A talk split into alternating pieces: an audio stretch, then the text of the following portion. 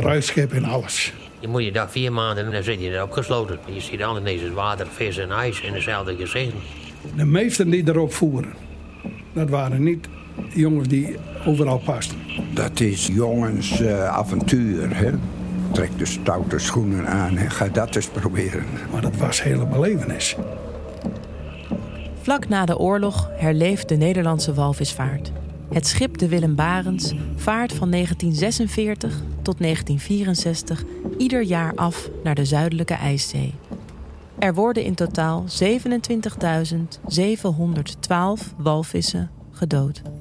Kijk, hier zitten we met elkaar op zo'n walvis. Woog 110.000 kilo. Die was 30 meter lang. Als je dat nagaat, een stadsbus is 9 meter. Kun je het voorstellen? Machtig gezicht. Machtig. Heel mooi. Een groep Friese mannen, jongens eigenlijk nog, vaart mee. Ze gaan op avontuur langs tropische eilanden en door ijskoude poolnachten. Ja, dan moest die berenmuts op zo, met die oorkleppen, weet je wel. Ja. We stonden altijd op scherp. Ja. En dan zei mijn moeder, we moeten allemaal bidden dat hij weer levend terugkomt, zo. Heroïsche reizen, met echte helden, waarvan we het bestaan niet eens meer afweten. En uh, ja, walvisvaart, dat, dat moet je eigenlijk eens een keer meemaken, want dan, dan was hij iemand.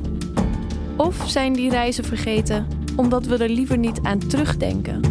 Omdat ons idee over die heldendaden in de loop der tijd volledig is gekanteld. Die walvisvaarders die werden moordenaars genoemd. Ik zei, wat ze hebben overleven.